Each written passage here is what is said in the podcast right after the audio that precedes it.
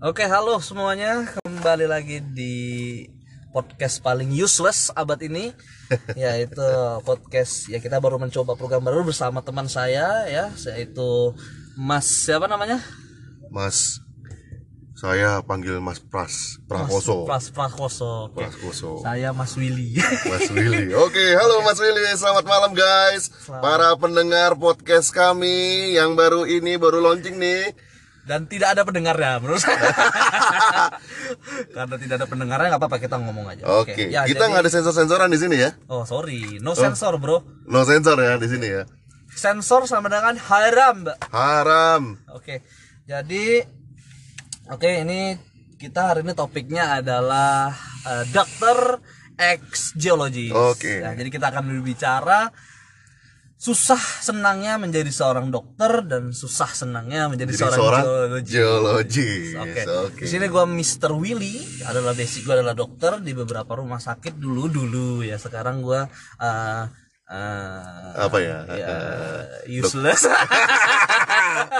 gak useless ya itu jam doanya kita kita eh, berkembang biak lagi apa kita itu kita itu eh, tunggu tunggu sih sih kita itu mengabdi pada negara Oke, kita pengabdi negara. Oke, sekarang kita pengabdi negara. Di mana saat ini lagi covid, di mana kita yang ngabdi lah. Bagaimana cara ngabdi terserah kami. Iya. Nggak- nggak usah ada yang tahu. Atau nggak usah ceritain kita gimana. Oh, nah, itu cukup sampai situ aja. Oke, oke. Biar para pendengar Thank you. penasaran. Enggak, belum, belum, belum. Yang bercanda, yang bercanda. Oke.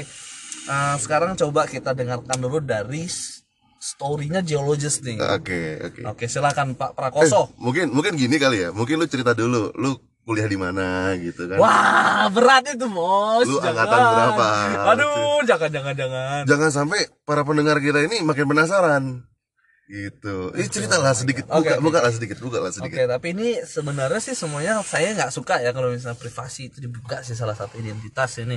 Pasti banyak dong teman-teman lu yang akan dengar. Ini siapa sih? Ini ya. siapa Oke, sih gitu. kita buka aja gua itu dari Medan sebenarnya ya Medan terus eh, gua tuh lulusan dari Universitas Negeri di salah satu Sumatera Utara. Ya udah tahu lah pasti ya, Ya, usul lah, ya usul lah. ada lagi yang negeri yang di sana ya. Umur umur boleh tahu nggak umur? Eh, umur umur gua gua selalu merasa umur gua 35 pak. Oh, selalu rasa umur lu 35.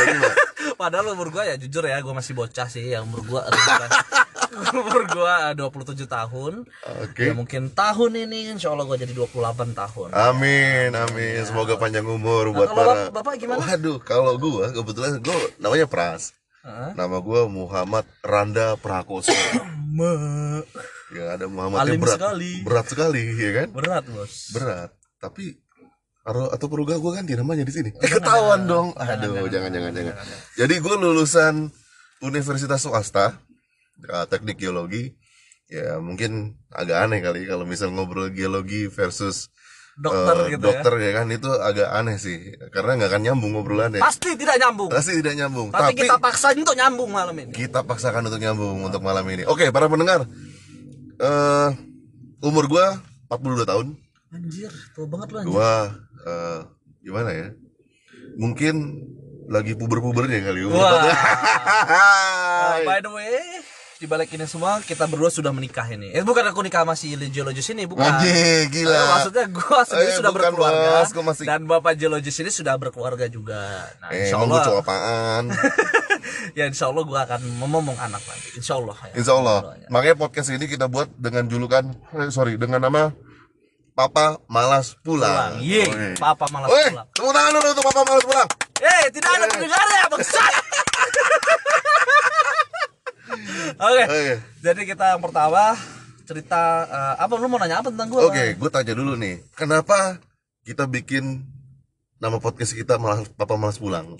Itu didasari kayak gimana sih? Kita tahu ya, kita diskusi panjang lebar, akhirnya kita da- dapat nama podcast yang menarik. Menurut lu seperti apa sih PMP ini? Nah, VMP ini sih menurut gua tuh adalah salah satu curahan curahan hati dari bapak-bapak muda contoh seperti saya ini eh di mana eh, bukan males pulang ya cuman Eh, mengalami kita- kebosanan dalam rumah tangga ya? aja jangan dibuka Oke. kacau bini gua denger mati gua Oke. Ternyata Jadi dia masih sebenarnya- takut. Oh, saya tidak takut. Saya menghormati istri saya. Oh, sama. Oh, sama. Enggak. Saya segan aja. Takut sih enggak. ngeri Ya, betul. Jadi jadi eh, Papa Malas Pulang itu adalah bagaimana cara kita sebagai bapak-bapak muda, satunya lagi bapak-bapak tua. Nah, bagaimana caranya kita bisa berbicara eh, apa sih dalam pikiran bapak-bapak ini ketika lu menjadi bapak-bapak ini kan? oke Dan oke setelah lu menikah. bener banget bener banget Ya kan setelah lu menikah, what next gitu. Ya di mana lu udah nggak udah nggak punya hak dong deketin cewek salah satunya. waduh Salah satunya confidence lu akan sedikit berkurang, berkurang betul. enggak enggak enggak sedikit banyak berkurang saya sih masih ganteng perasaan saya ya. Eh. Oke. Terus eh ma sombong sekali gitu kan. Enggak, jadi eh, salah satunya adalah gua masih muda. Ya nanti kita akan bercerita tentang pandangan-pandangan sebagai bapak-bapak, apalagi muda dan tua. Ya kan enggak tua juga sih ya, cukup berumur. ya, jadi nanti kita akan memberi pandangan. Ketika lu menikah, apa yang terjadi? Ya, Tapi pokoknya cerita tentang bapak-bapak deh. Apa pikirannya, terliarnya apa, apa yang eh, apa yang paling susah dalam hidup ini dan lain-lain lah. Tapi Problem kita akan apa aja sih? problem apa aja dan kita akan membicarakan segalanya gitu ya. oke oke Nah, apa mungkin nanti kita panggil teman-teman kita yang useless juga gitu. Kita akan manggil beberapa narasumber nanti di sini yang pasti akan membuat para pendengar akan menarik. Oke, jangan lupa ya. eh, kalau misalnya banyak rezeki iklan di podcast kita. Aduh, belum baru mulai Bapak. Assalamualaikum. Waalaikumsalam. Ini kita baru mulai, jangan mikirin ala duit dulu. Oh iya. Ini agak-agak Soalnya terlalu komersil komersil. segini. Ah, Aduh. tapi memang kita butuh duit juga. tapi nggak apa-apa lah ya. Tapi yang sebesar dengarkan. Oke, kita langsung aja masuk di topiknya. Oke. Topiknya malam ini adalah gue bongkar nggak sekarang? Oke, silakan. Apa ya? Nanti kan udah bisa bilang hari ini adalah tentang background Oke, susahnya tentang background. Itu dari eh, dokter dan geologi. Dr. William kayak gitu. Oke. Gue ini eh, lama berkecimpung di dunia oil and gas, Bos. Oil and, Oil and gas, Oke. oil and gas. I have no idea about Dan oil and gas ini. ya, gue tahu ternyata enak masuk kedokteran ya. Dari semua cerita lu ternyata enak. Buat para pendengar, asal pendengar tahu, laki-laki menjadi seorang dokter itu bergelimang wanita.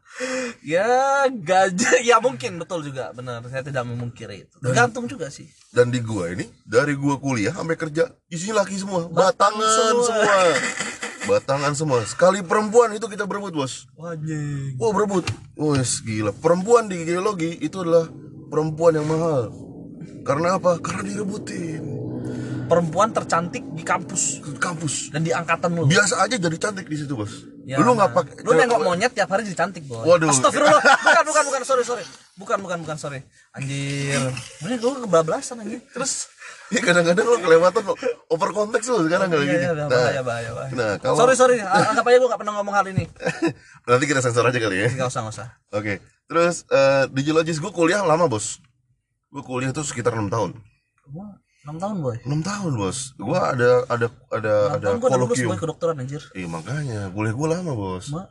ada gue ada kolokium gue sama kayak skripsi ya, bab ya. berapa lima bab kalau nggak salah. Ada juga skripsi skripsi gue tentang oil and gas untuk menghitung mencari cadangan uh, minyak waktu itu sampai perhitungan uh, bulk volume macam-macam lah.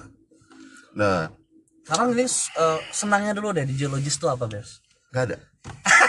jadi apa kita buat podcast? Di geologi nggak ada senangnya, isinya duka semua. Gak bisa. Menariknya dukanya ini bos, menariknya dukanya ini adalah dukanya eh, gimana ya, penuh dengan pengalaman seru yang gue alamin. contoh. Contohnya, gue pernah di geologis itu, ah, gue sedikit, gue pernah cerita ya malah dulu ya bos ya. kita ulang lagi dong biar Oh, ini. orang-orang tahu nih geologis lifestyle tuh gimana men Geologis lifestyle itu kebanyakan itu laki-lakinya manly, uh so manly sebenarnya. So manly ya? So manly. oke gue nggak tahu Celana sih jeans ya kan, celana jeans, sepatu boot, oke kan, sepatu boot, baju flanel ya kan, kerah Biar dibuka dua, wanginya. Oh, kerah dibuka, kerah biar- dibuka biar dua gitu. busung dada Iya. oke Oh, and kerah dibuka dua, habis itu eh jalannya petantang petenteng. Harus petantang petantang Oh harus petantang petenteng. kalau nggak petantang petantang Oh bukan geologis. Oh, berarti Anda geologis KW, bangsat. gitu ya. Karena gue udah ngerasain geologis sih. sih. Juga, gue kehilangan jati diri gue sebenarnya. Oke. Tapi kalau kalau misalnya pendengar mau tahu nih bagaimana sosok uh, Muhammad Prakoso ini dia sangat manly ya. Tingginya mungkin bisa 180 lebih. Sama gue dengan eh, Dr. William sama 180. Anjir. Tapi dia sangat manly dan dia laki banget, Bos. Apalagi dokter William Oh, jangan. dokter tidak- William itu eh, manly modis Oh. udah manly modis lagi Oh, no really, extreme manly and modis Oh, tidak. lu eh, jangan lakukan tes dong, lanjut dong. Oke, jangan diri oke. sendiri gitu. nanti kalau misalnya para pendengar sempat ketemu seperti apa dokter William atau mungkin pengen meet and greet wah, nanti kita atur waktunya Kayak artis TikTok. Oi, iyalah, sombong sedikit di podcast pertama ini, ya kan? Oke, oke, oke. Nah, nah, eh geologis ya. biologis nih. Jadi Geologis ini banyak dukanya, bos. contoh, Mas. Gue tuh pernah diganggu dengan hal mistis. Oh my god, ini Dan gue tahu, lagi. eh, dan gue tahu dunia kedokteran juga kayak gitu. Pasti dilakukan banyak hal mistis. Ini malam jam 21 dan lu ngomongin mistis, Pak. Oke, mungkin para pendengar. Oke, kita bicara mistis. Kita beranikan diri. Oke, masalah mistis.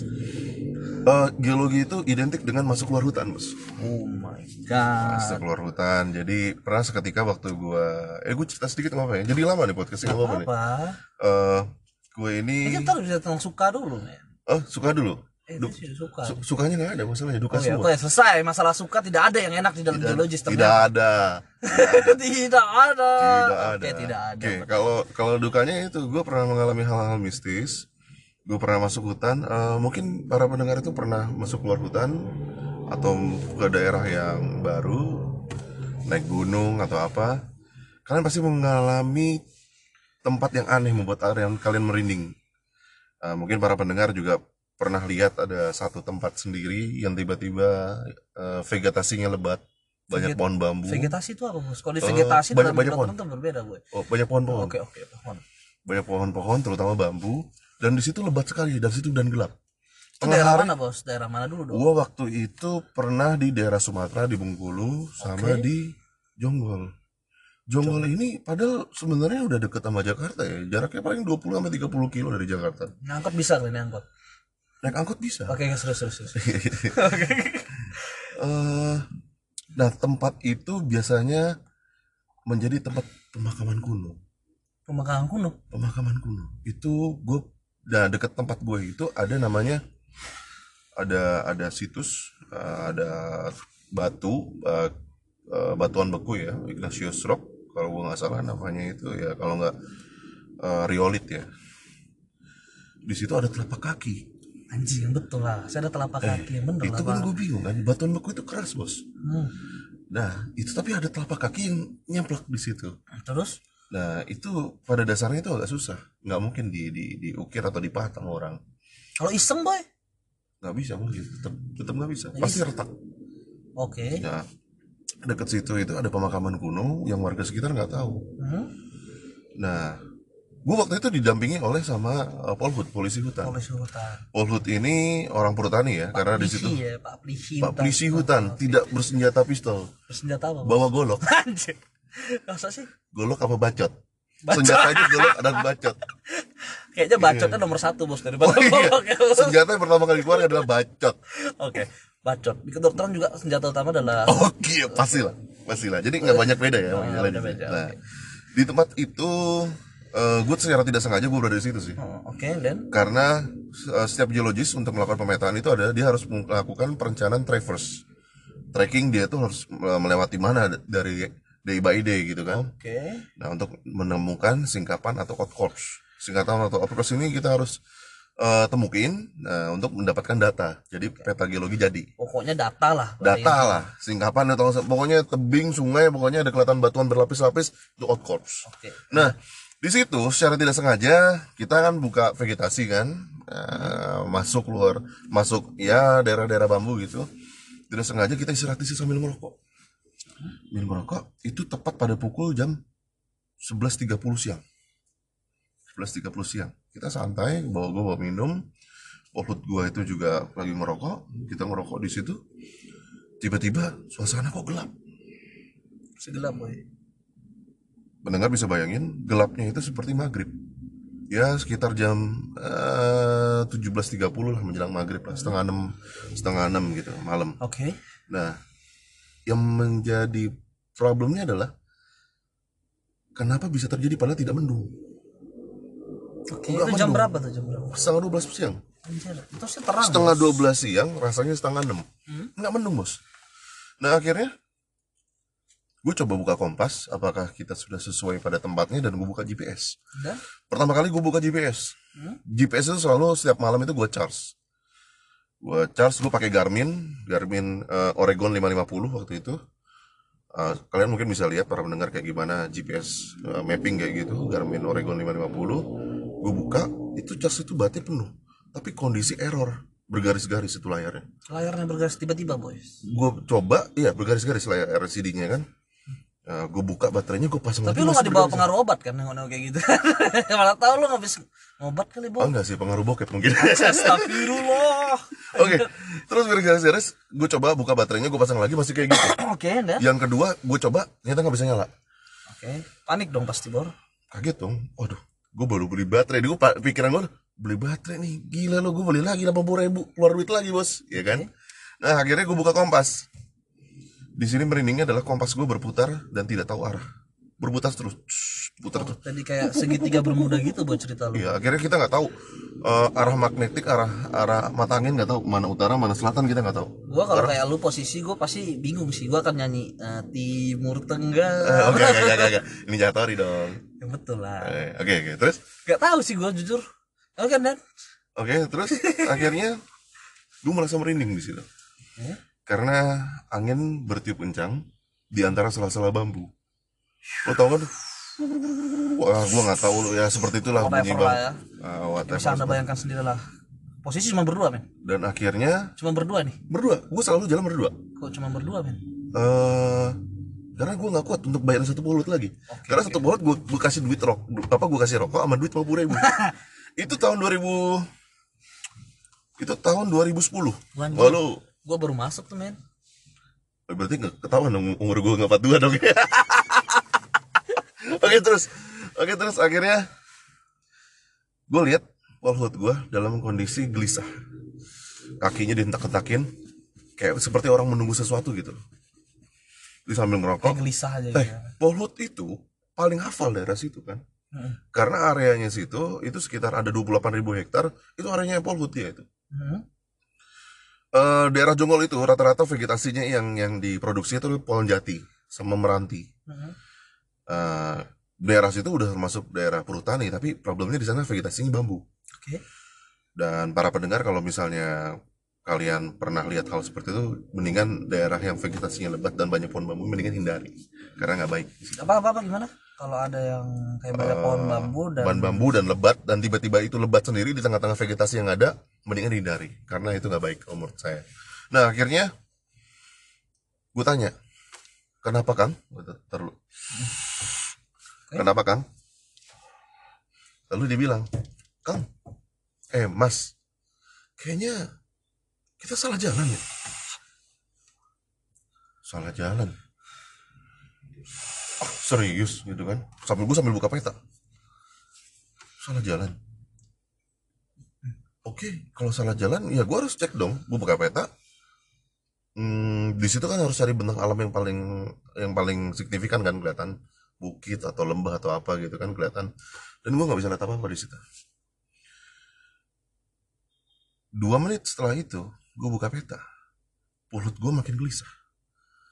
Mas, mendingan kita keluar aja dulu dari sini yuk. Dia sampai nanya kayak gitu. sambil kaki getar-getar. Sambil kaki getar-getar. Rokoknya rokoknya udah gak beraturan, nafasnya makin lama makin kenceng. Makin pendek dia ngerok. Dari gelagat dia, eh gue mulai worry itu. Dan gue baru di situ teringat sama cerita senior gue. Hmm. Lu harus keluar dalam kondisi kompas lu sudah berputar tidak tentu arah. Karena ada yang nggak beres di daerah itu. Pertama nggak beres mungkin dia pengaruh magnetik dari eh, pengaruh medan magnet dari batuan, mungkin yang pengaruh ya, Ya, macam lah, fisika lah. ah, itulah seperti itulah, atau pengaruh dari mistis. Dan Tapi akhirnya lu waktu itu yakin tuh fisik, fisika atau metafisika? itu gue yakin metafisika. Oke. karena bentang alam di situ didominasi oleh dolomit dan eh, batu gamping Hmm. Limestone. Oke. Dari situ gue kabur. Kang keluar aja mendingan kang. Keluar Siapa aja yang kang. ngomong tuh? gue yang ngomong waktu itu. Lu ngomong. keluar aja mendingan kang. Ini ada yang nggak beres kang. Gue dalam kondisi merinding banget. Cuaca makin nggak beres Eh, angin makin kenceng makin gelap. Dan kita nggak tahu ke mana arah pulang. Gua nggak udah nggak tahu lagi mana utara mana selatan akhirnya kita jalan yang ada jalan setapak kita lewatin. Lu tahu dari jam 11.30 itu terjadi sekitar 15 menit 11.45 dan lu tahu kita baru keluar itu jam berapa? Kita baru keluar jam 1 jam 1 siang jam 13.00 baru keluar dari tempat itu. Kita muter-muter dan ternyata kita muter dan kita selama ini muter-muter daerah situ. Oke. gua nggak tahu arah ke mana gitu kan. Panik gak? itu panik. Karena sekali muter gua balik ke tempat yang sama Terus terusan. karena apa gue tahu tempat yang sama gua buang bungkus rokok di situ Waduh. Terus? gua buang bungkus rokok di situ Ya. dari situ gue mulai baca al-fatihah dan macam-macam lah ayat kursi dan macam-macam lah karena gua ngerasa ini nggak beres ini nggak beres ini nggak beres dan akhirnya gue coba untuk keluar alhamdulillah gue keluar eh, berseberangan atau berpapasan dengan seorang laki-laki bapak-bapak sekitar umur 62 tahun sama anaknya sekitar 19 tahun waktu itu Cakep dan anaknya? anaknya cowok bos Oh. Oh, sorry ya kalau misalnya orientasi lu ternyata beda bang gue? Eh, itu nama daerahnya ternyata Ciorai Ciorai. Oke. Ciorai itu Itu di Bandung dong berarti Cici bukan? oh enggak Jawa Barat semua banyak kan Cililitan aja di Jakarta. Aja iya juga anjir. iya Cililitan Maklum orang orang Medan enggak? oh iya iya iya gue berpapasan dengan orang itu eh gue tanya mau ke mana Ada Cimori enggak sana? Enggak ada. oh, enggak Susu dong. Oh iya betul betul betul. Cimori hanya fokus fokus fokus fokus please. Cimori hanya menjual susu kemasan kan Iya. Oke, tidak usah dilanjutkan. oke baik Oke. Oke, terus dari situ orang itu bilang kang dari mana kang pakai bahasa Sunda gitu kan Kok pakai Sunda lu di Sumatera atau di mana?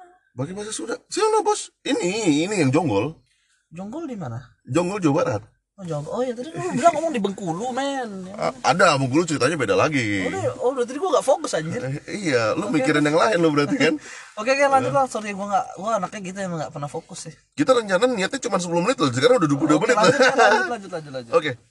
Dan akhirnya gue berpapasan dengan bapak itu. Bapak itu tanya, Kang dari mana? Dari sana, gue tunjukin. Dari arah belakang saya. Bapak itu kaget dengan anak itu. Eh, ini belum gue cerita, gue lupa nih cerita ini. Bapak itu kaget. Dari mana Kang aslinya? Jakarta. Akang tahu ini daerah apa? Tahu? Jonggol? Akang nggak tahu ini tempat dulu tempat apa? Marah gitu, marah. kaget terheran.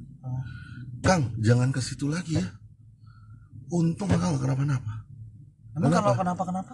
di sana selain banyak ular kobranya itu banyak mistisnya Contoh mistis. banyak setan apa Nah. apalah pocong lah apa kata dia gitu lupa gua Masa sebut merek anjir. oh iya sorry ya. Eh, kenapa pak di situ Poci kita bilang. Poci, oke Poci, poci.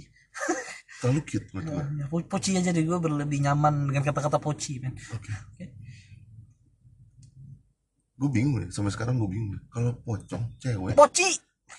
kalau poci cewek kalau nyet-nyet goyang-goyang nggak ya Ini beneran apa ngelawak lo, Bang? Oh, aku pengen nanya.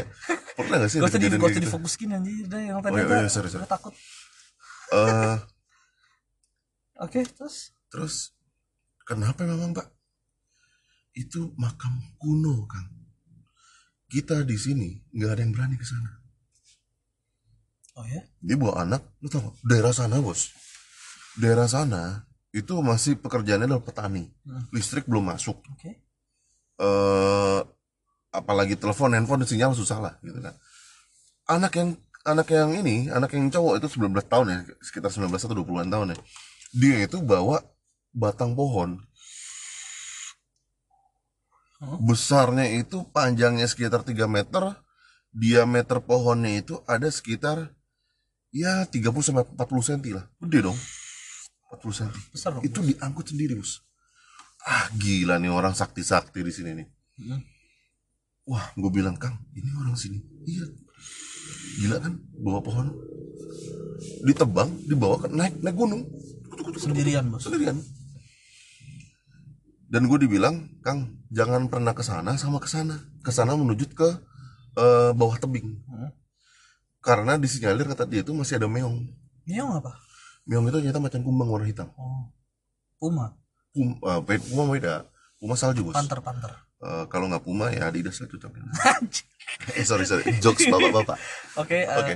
mm-mm, and then? itu akhirnya kita pergi. Boleh percaya atau tidak selama gua melewati itu udah lebih dari 21 tahun eh, sorry lebih dari 11 tahun setiap bulan gue tuh pasti memimpikan daerah itu. Seperti ada jasad halus lo yang tertinggal di sana. Lo pernah gak sih saking seremnya mungkin. saking seremnya. Dan seperti daerah sana tuh manggil-manggil lo. Dan lu masih mimpiin itu. dan memanggil gue itu seperti seorang wanita. Aduh, jangan disebut. Eh, Waria kayak Oh jangan. Mas sini dong mas. Main lagi dong ke gunung sini dong. Nggak mungkin dong kayak gitu. Oke, oke, oke. Nah eh, mungkin para pendengar bisa bisa bisa eh, Mungkin ada punya yang punya pengalaman punya pengalaman gitu mungkin ya. nanti eh, nanti follow aja eh, Instagram kita di Papa Malas Pulang belum coba ada deh. Bapak, belum. kita terlalu antusias mungkin kali. Antusias ya. mungkin teman-teman bisa bisa dengerin eh, bisa saling sharing lah ya sharing pengalamannya di situ terutama daerah-daerah mistis seperti apa nah itu sih cerita gue sih nah gue pengen nanya nih sama si Dr. William nih si bos William bos Will eh banyak cerita dari teman-teman gue dokter. Yang serem-serem. Nah gue pernah namanya gue pernah punya temen itu satu SMA sama gue dia lulusan Lampung Unila kedokteran. Sekarang kalau nggak salah gue lihat dari IG-nya dia ngambil eh, spesialis saraf. Wah. spesialis saraf. Dia itu pernah cerita loh. Di pedalaman Lampung itu ada puskesmas. Mhm. nah nanti lu bisa sharing ya. Eh, ada wanita berumur sekitar 30 tahunan Mhm. itu sudah eh, melahirkan tiga kali Mhm. tapi yang ketiga itu selalu meninggal Mhm. karena di sana tidak ada namanya eh, dokter objin Oke. Eh, meninggal tapi sudah lahir ada lahir meninggal Meninggal dan anaknya. selalu didukun Dan meninggal anaknya. meninggal anaknya Tapi karena dikiranya penyebabnya adalah dukun gitu. dukun Ada yang nggak suka sama dia. problemnya adalah dukun yang mem- eh, menyelamat yang me- mencoba membantu melahirkan itu semuanya meninggal Oke. anak dan dukunnya mati Oke. Dukunnya mati bukan emaknya yang mati. dukunnya mati anaknya mati Emaknya hidup. emaknya hidup Berarti waktu mereka berdua mati, emaknya bingung dong. Gua ngapain nih? Gua masih bergelimang darah dan gua kebingungan bukan mati pula dukunnya. ya Oh my god, yang betul dong. dan ini yang bawa itu adalah paman yang kalau nggak salah ke puskesmas itu Oke, kok bisa ya? puskesmas itu eh, pamannya akhirnya cerita ini HPL-nya tinggal satu hari udah udah pembukaan berapa lah gitu kan Oke. eh udah hampir pembukaan lengkap lah. Ini gue cerita dulu bos ya. Oke. Ini gue belum cerita ke lu nih. Itu tepat jam satu malam dan jam 10 jam 9 sore itu dia dapat cerita seperti itu. Tapi ternyata pamannya itu gak cerita semuanya. Ya. Oke, gue lanjutin ceritanya. Ternyata jam 1 Ternyata jam 1 si ibu ini kesurupan Jam satu apa itu? Sebelum satu melahirkan. malam sebelum melahirkan. Oke, terus Ibu itu kesurupan dan selalu ketawa seperti kuntilanak. Oke. Ketawa, "Ah," dia berdiri di atas eh, tempat tidurnya. Oke. Dia udah berdiri di situ, diketawa terus. Dan satu persatu teman gue dokter itu ditampar dan dipukul. Oke. Akhirnya kalau nggak salah eh, cerita teman gue itu karena nggak ada borgol di situ, diikat Pakai tali. pakai tali. Tali Tapi tali tali inilah tali-tali perban lah. tali-tali perban seperti itu. Tahu nggak kejadian itu sampai ketawa-tawa gitu? Sampai jam berapa? Sampai cuma Sampai jam 4, ma- eh, 4 pagi. nggak capek itu setan. Wah, itu makanya. Dan semuanya perawat dokter itu akhirnya dipanggil semua di situ. Dokter akhirnya ada tiga dokter, perawatnya ada lima kalau nggak salah. Oke. Dan kejadian itu terkenal sampai kalau nggak salah bawa ke koran. Hmm. Nah, itu coba kita cari ya. Itu daerah mana itu? Oke, nanti gue coba tanya lagi. Oke. Dan lu tahu? Karena dia nggak melahirkan melahirkan, menjelang subuh, tiba-tiba si perempuan ini dalam kondisi berdiri di atas tempat tidur, Ngeluarin anaknya. ngeluarin anaknya. Oke. Dia melahirkan sendiri dong. Oke. Dia melahirkan sendiri habis itu dibantu dokter untuk potong hari-harinya kan nah habis melahirkan makin ganas Hmm. apa aja dilempar apa aja dilempar gitu kan karena cukup banyak ada lima perawat tiga dokter dan beberapa security dipegang lah itu perempuan. Hmm. diikat lagi lah sambil di, di, di, di- dibersihin lukanya atau apa gitu kan. Nah, setelah beres anaknya juga selamat gitu kan. Dapatlah cerita cerita yang lengkap dari si omnya. Katanya ibu ini Hmm. mendapatkan eh, hal-hal mistis dari keturunannya dia Oke.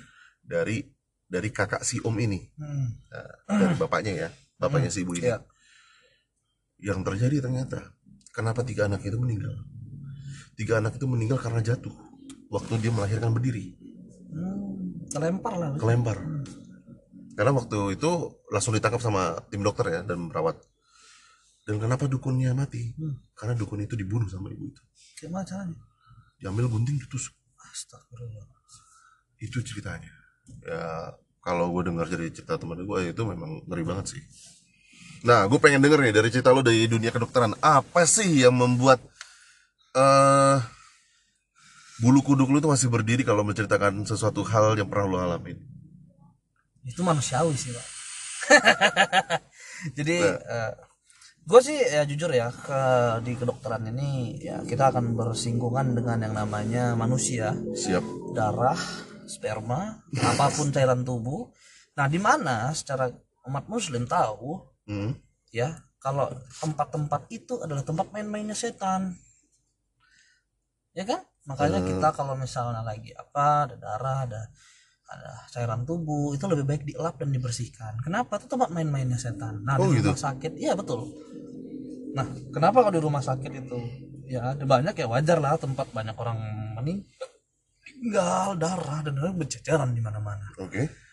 Nah, gua, kalau misalnya kita tadi cerita suka ya, di suka tadi kita senang-senang dulu dong, atau mau mau yang seremnya dulu? eh bebas sih gue pengen tahu. Bos William ini dokter William ini seperti apa sih menjalani kehidupan sebagai seorang dokter Oke, tadi tuh cerita lu dulu ya, itu sebagian dari ceritanya lu ya. Eh sorry maaf Dakar mungkin agak bosan kali untuk mendengarkan podcast pertama ini. Iya, nggak apa-apa.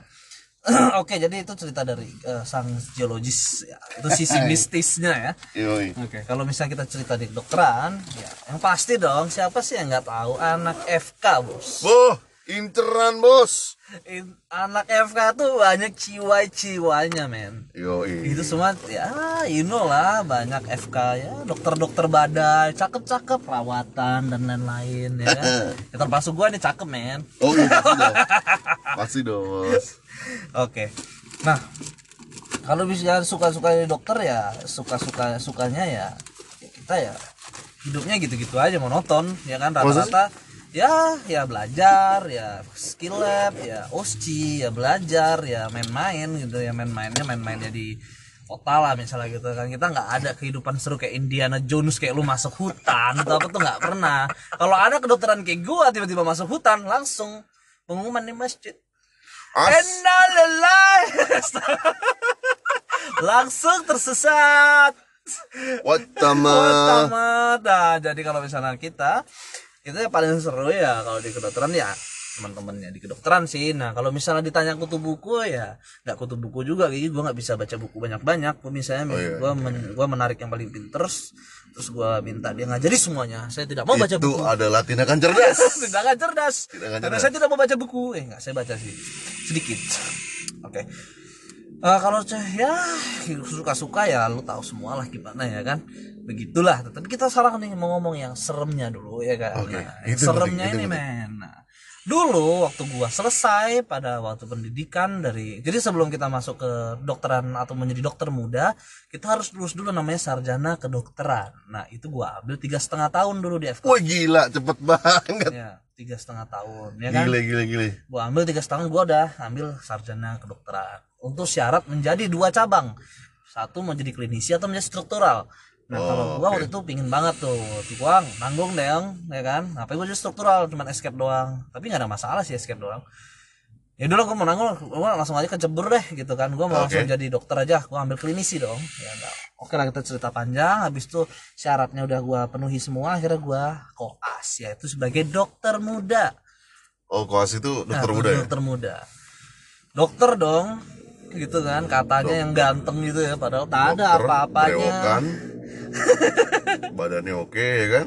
Kalau tidak ada apa-apanya bapak itu tidak ada duitnya kita yang ada keluar duit habis duit. Cewek-cewek masih mau sama dokter muda bodoh. Kenapa tidak ada duitnya?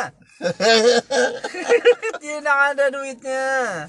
Ya kan? Nah jadi kita waktu itu masuklah dokter muda. Wah waktu itu gua masuk ke ilmu penyakit dalam. Wih, ya kan? Ilmu penyakit dalam tuh membicarakan dari tenaga kepala dalam kan? Membicarakan dari kepala ujung rambut lu sampai ujung kaki lu. Nah, kita akan harus mengetahui semuanya. Nah, pas itu tuh gua barulah jaga. Ya kan? Nah, ada teman gua namanya Marta lah kita sebut aja lah. Nggak kita sebut merek, Marta. Nah, jadi si Marta ini adalah teman gua jaga malam. Oh, secara dong. Jadi jaga rumah sakit, rumah sakit ada Malik. Dulu kalau ada yang tahu orang Medan mungkin tahu. Rumah sakit ada Malik. Itu rumah sakit tua, Bos. Oke. tua dan horor menurut saya kan. Jadi kita jaga. Kayak RCM sini kali ya? Iya mungkin. Besar Fatmawati lah. gitu. Bangsal, bangsal gitu. Bangsal, bangsal. Wah, rame, gila. Rame, Ngeri, ngeri, ngeri, ngeri, ngeri. ya kan? Eh, eh, bagi para bagi, eh, bagi para pendengar gue itu agak trauma ya ke rumah sakit terutama ke IGD. Setiap gue ke IGD pasti ada orang yang meninggal. Dan gue Meninggoy, meninggoy. Iya, dan gue itu nggak siap melihat hal seperti itu. Oke. Eh, gue cerita sedikit ya. Kok jadi cerita lu lagi nih? Oh iya, gue pada gue pengen banget cerita ini. Oke, silakan cerita. Malam-malam nyokap gue itu bilang tenggorokannya sakit, radang tenggorokan, gak enak nih badannya gerges gitu kan. Sebelum covid ya. Gue antarlah ke dia minta ke IGD di rumah sakit eh, Sariasi. Oke. Nah, gue antar tuh ke IGD dalam kondisi hektik. Mm-mm. Di luar itu kayak ada kecelakaan motor lah, apalah, aduh macam-macam deh.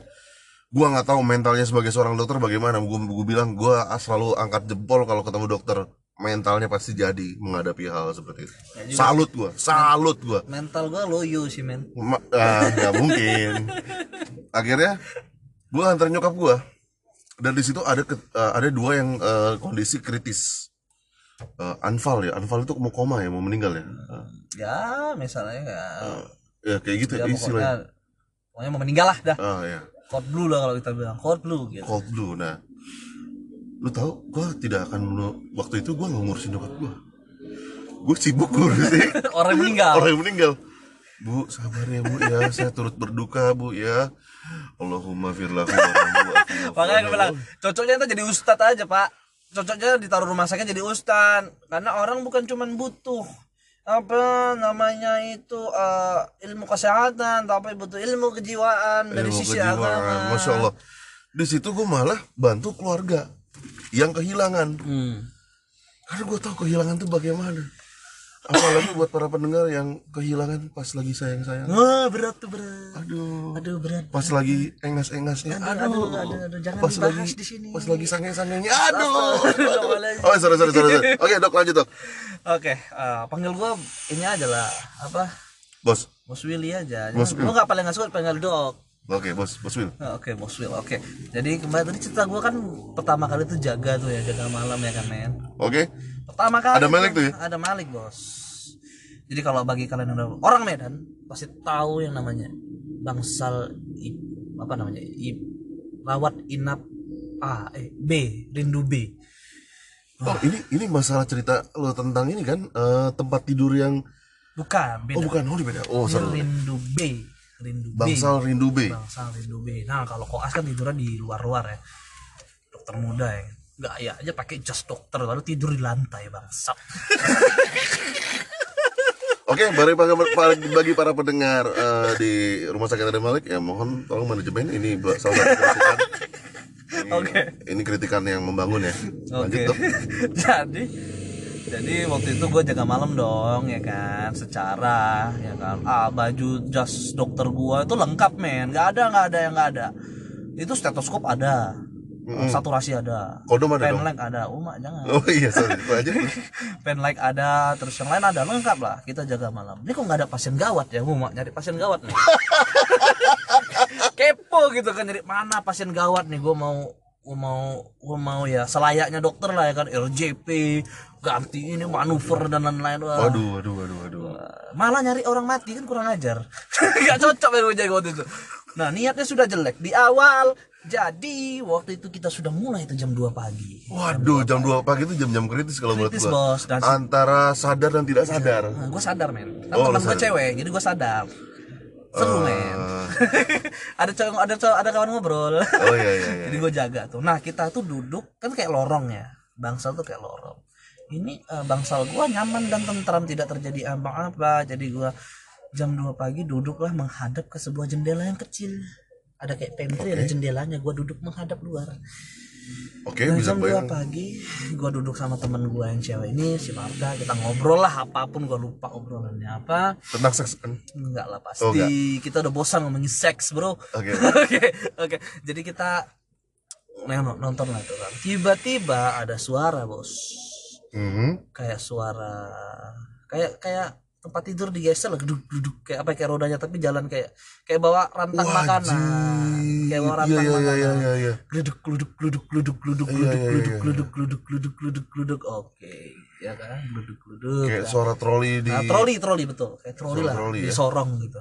Itu kan Di- udah- kan kan gue menghadap ke pantry yang pantry itu menghadap ke jalan lorong ke rumah sakit gitu. Oke. jadi gue liat di jendela kecil itu tiba-tiba itulah si geledek geledek itu lewat yang Pas ternyata depan mata lo? depan mata kita bapak Oh, Marta juga lihat. Barta juga melihat Oke.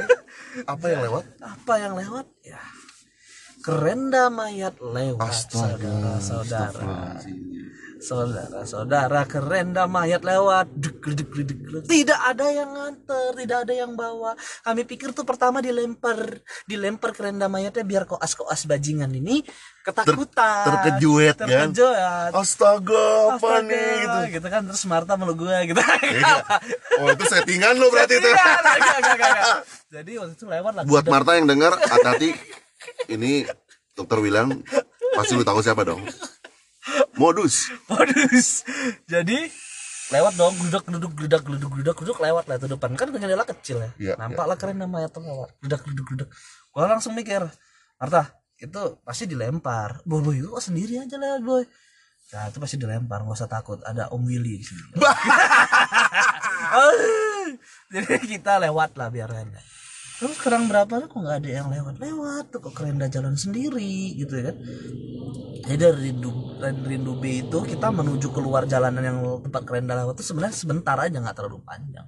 Akhirnya mau lari dong. Memastikan ini dilempar atau bagaimana ini gitu kan. sendiri Gua jalan men Sendiri? sama si Marta. sama si Marta. Oke, Si lalu Marta nggak berani di di belakang gua, gua langsung kejar kan di lorong sendirian bos. Oh sendirian men, gua lari. Pap pap pap pap gua lihat tuh kerenda tersebut ternyata jalan sendiri bos, menuju tempat lift dan bisa belok sendiri. belok sendiri. Belok sendiri pak. Nah waktu dibelok sendiri dia rupanya berusaha masuk lift. Jadi kalau kalian di ada Malik ada lift sebelah kiri sama lift sebelah kanan dekat dengan eh, radiologi yang menuju ke arah rindu. Nah di situ ada lift sebelah kiri sama sebelah kanan. Nah lift yang sebelah kiri itu akan selalu terbuka setiap ada yang lewat. Nah kerenda mayat itu masuk ke dalam lift itu lu. goblok. Gua langsung nggak berani. Nah, sebenarnya eh, itu gue pengen meyakinkan dia bisa belok sendiri. Bisa. Ada suara nggak? 100 meter itu pilot. turn left. Nggak ada nggak ada nggak ada udah suara ada, kayak itu, gitu. eh, jokes bapak-bapak. Oh, enggak. Oke, terus. terus. Oke, jadi itu jalan sendiri pak. Jadi ya di situlah kita langsung wah anjir nih nggak betul nih guys. Ini nggak betul. Kita langsung lari kita masuk ke dalam kamar, kita panggil senior, kita udah udah biarin biarin biarin udah kita akhirnya duduk. Di situlah Beb pagi. Wah itu kenangan yang tidak bisa terlupakan melihat kerenda mayat jalan sendiri Itu masuk lift. masuk. Tapi gua nggak nggak nggak monitor lagi ya nggak gua nggak nggak gua follow up bagaimana kerendanya tersebut karena gua nggak peduli lagi ya bodo amat. Gua bodo amat. Ada nggak cerita-cerita? Lu sempet cerita nggak ke ke eh, security di sana atau ke perawat atau nurse Gua di anak koas baru men, gua belum dekat sama security dan lain-lain. Nah, tapi ya Oh, itu, begitulah. itu, itu menarik banget karena itu di depan mata lo sendiri di kan? depan mata gue sendiri men. Tuh kerenda jalan sendiri. Gila nah dan di situlah. Wah, tapi kalau mau cerita tentang uh, yang lain-lain bisa lebih banyak lagi ya. Tapi ini salah satu cerita horor di rumah sakit ada Malik yang gue lihat sendiri di mana kalau kalian di ada Malik jangan pernah masuk lift sebelah kiri dari arah radiologi. Itu seram dan dia akan berhenti di lantai dua dengan sendirinya. Berdiri di lantai dua dengan sendirinya? Nah, dan uh, ketika Kita keluar nggak? Keluar eh, pas lantai dua keluar nggak tuh kerenda mayatnya saya gitu? nggak lihat bos. Saya tidak mau follow up. Oke. Oke. Lu nggak mau berani follow up ya gue nggak berani follow up jadi gue enough di situ. Nah tapi juga ceritanya dulu gua. Habis itu kan gua masuk itu ke paru ya ke ke ilmu paru itu di lantai duanya. Nah di lantai duanya itu di lantai duanya agak serem sih percaya nggak? Percaya ini pengalaman pribadi gue sendiri. Mhm. jadi jadi kalau pasien-pasien paru itu kan sesek ya napas berat. Nah pas waktu malam itu gue sama si Marta lagi. Nah jadi pas waktu malam itu nih gue belum bisa cerita. Jadi hmm, ini pasien paru sih rata-rata meninggal karena sesak napas. Gue diminta langsung sama eh, PPDS waktu itu yang orang ngambil dokter spesialis belum jadi dokter spesialis dan Oke. ini diminta untuk namanya volcat kita tuh follow up ketat karena tidak punya alat alat-alat canggih. Jadi kita menggunakan koas sebagai alat untuk memeriksa tensi dan saturasi. Kita adalah alat di situ. Oke. Dan diminta memfollow up per 15 menit terhadap pasien tersebut. Oh eh, sifatnya TTV urgent ya berarti ya? Ya TTV kita harus memfollow up dan memberi info kepada senior bahwa ini yang begini hasilnya begini keadaan begini begini. TTV untuk para pendengar mungkin gue jelaskan ya. Jangan berpikir macam-macam. TTV itu tanda-tanda vital. Uh, bukan alat vital ya tapi uh, tanda-tanda vital mungkin. Tekanan darah nadi dan lain-lain. Oke. Ini bisa disensor nggak sih? Gue pengen ngomong bisa. nggak bisa. Oke. Oke. Pengen lucu nggak bisa. Oke lanjut. Jadi pas waktu itu gua sudah jaga lah itu posisi gua sangat ngantuk tapi ya gua gua nggak tahu ya gua punya indera keenam atau bagaimana gua nggak ngerti. Tapi dalam sepeng sepenglihatan gua gua melihat anak kecil setan. Gua melihat anak kecil yang mana dia itu pertama mengabrak-abrik kamar belakang. Itu gerudak geruduk gerudak geruduk. Dan dia main-main di lorong. Gua tanya sama perawat kak ini kok gini? Iya dok. Di situ ada biasanya anak-anak suka main-main. Masa kak? Padahal saya sudah lihat ada anak-anak kecil main-main. Oke. Karena ada anak-anak mungkin dia pernah meninggal di situ atau gimana. Mungkin jin korin oh Jin Korin pasti itu sih. Ya kan. Tapi pada waktu itu gua masih ambisius banget menjadi seorang dokter yaitu dokter muda gua ya. Minimal bisa membantu TTV dan follow up itu sangat keren menurut gua dulu. Oh, oke. Oh dedikasi gue sangat tinggi waktu itu. Nah waktu itu gue jaga. Dan gue per 15 menit gue datengin tuh pasien per 15 menit. Tapi akhirnya gue mau pingsan. Karena apa? Gue capek per 15 menit sampai pagi men. Tapi bagaimana caranya gue bisa tepat 15 menit datang ke pasien lu tahu nggak gimana caranya?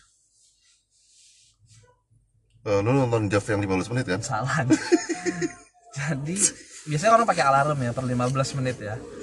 Per 15 menit. Buat tapi gue enggak gue bicara dalam batin gue gue minta tolong sama anak kecil itu. Oh. Gue bicara sama anak kecil gue minta sama dia per 15 menit tolong bangunin saya dengan cara senggol kaki saya.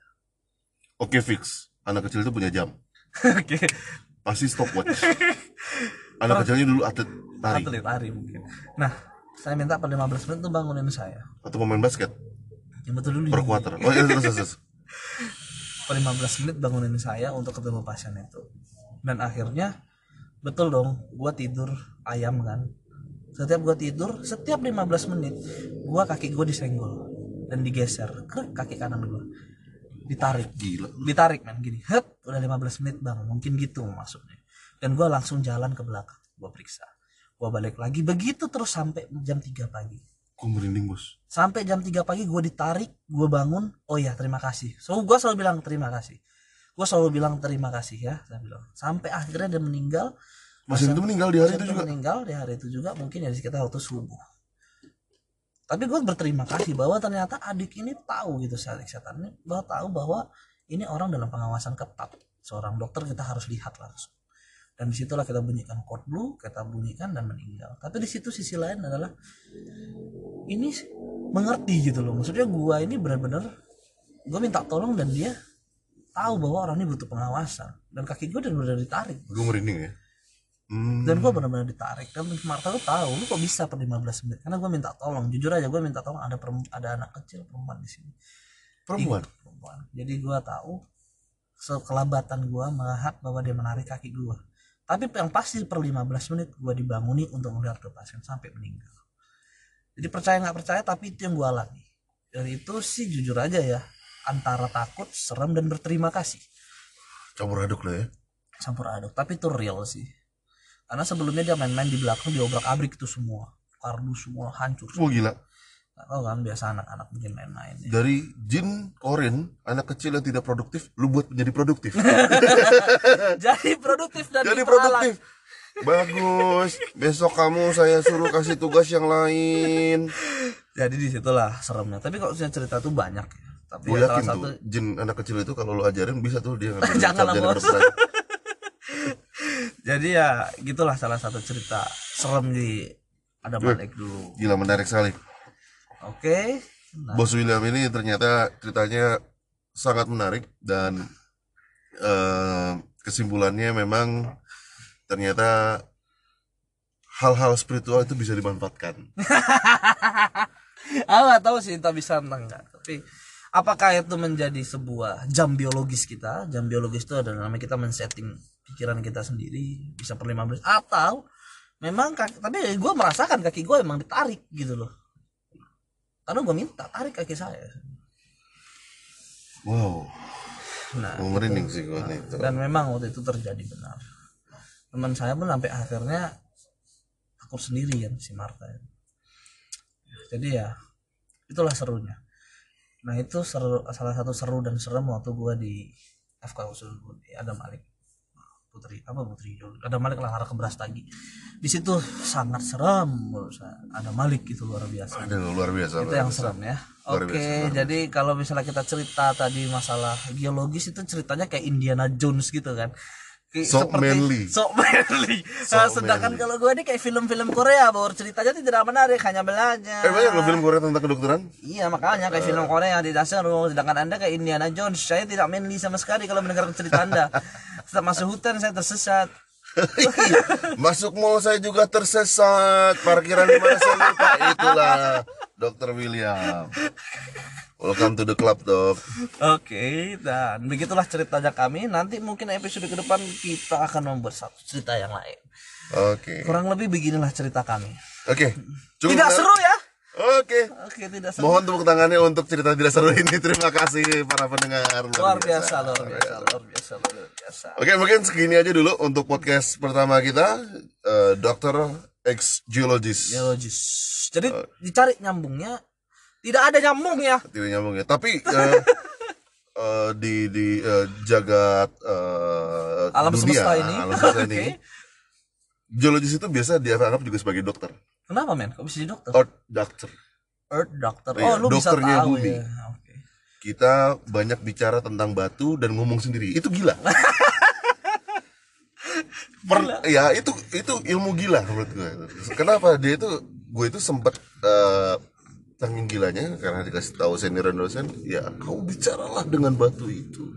Kamu itu asalnya dari apa? Batu sedimen, batu metamorf atau batu beku?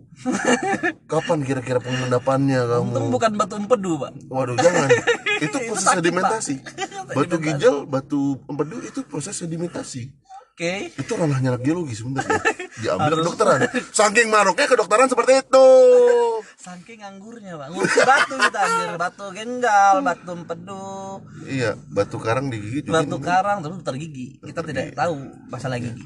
Mertua gua tahu tuh dokter gigi. Oke mertuanya Oh, kebetulan- saya, saya, saya, orang akan tahu siapa saya. Jangan sampai Oke mungkin segitu aja dari kami Saya Kami dari Pi M B Bapak malas pulang. Pulang. Tidak ada cerita tentang isi kepala bapak-bapak hanya cerita Eh, kapsulpan masa lalu kami. Oke Masa lalu dan pengalaman kami Pengalaman kami tapi nanti kita akan bicara mungkin akan lebih seru lagi. Oke, terima kasih untuk para pendengar. Terima, kasih kasih. untuk Bos William. Terima kasih untuk Pak Prakoso. Oke, mungkin kita akan ketemu di podcast berikutnya. Selamat Malam.